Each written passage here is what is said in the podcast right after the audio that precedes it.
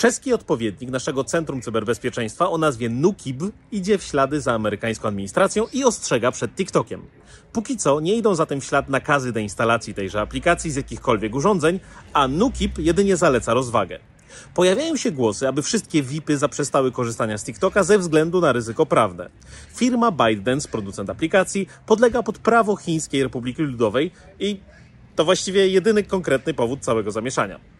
Nie przedstawiono żadnych innych argumentów, nie podjęto też żadnych działań. Niby wiadomość jakich wiele, ale warto zauważyć, że czescy bezpiecznicy byli jednymi z pierwszych, którzy podjęli krucjatę wobec Huawei'a w Europie. Polskie Centrum Cyberbezpieczeństwa póki co nie zdecydowało się na jakiekolwiek ruchy w tej sprawie, a TikTok wszystkim odpowiada w ten sam sposób. Chronimy, staramy się, nie macie się czego bać.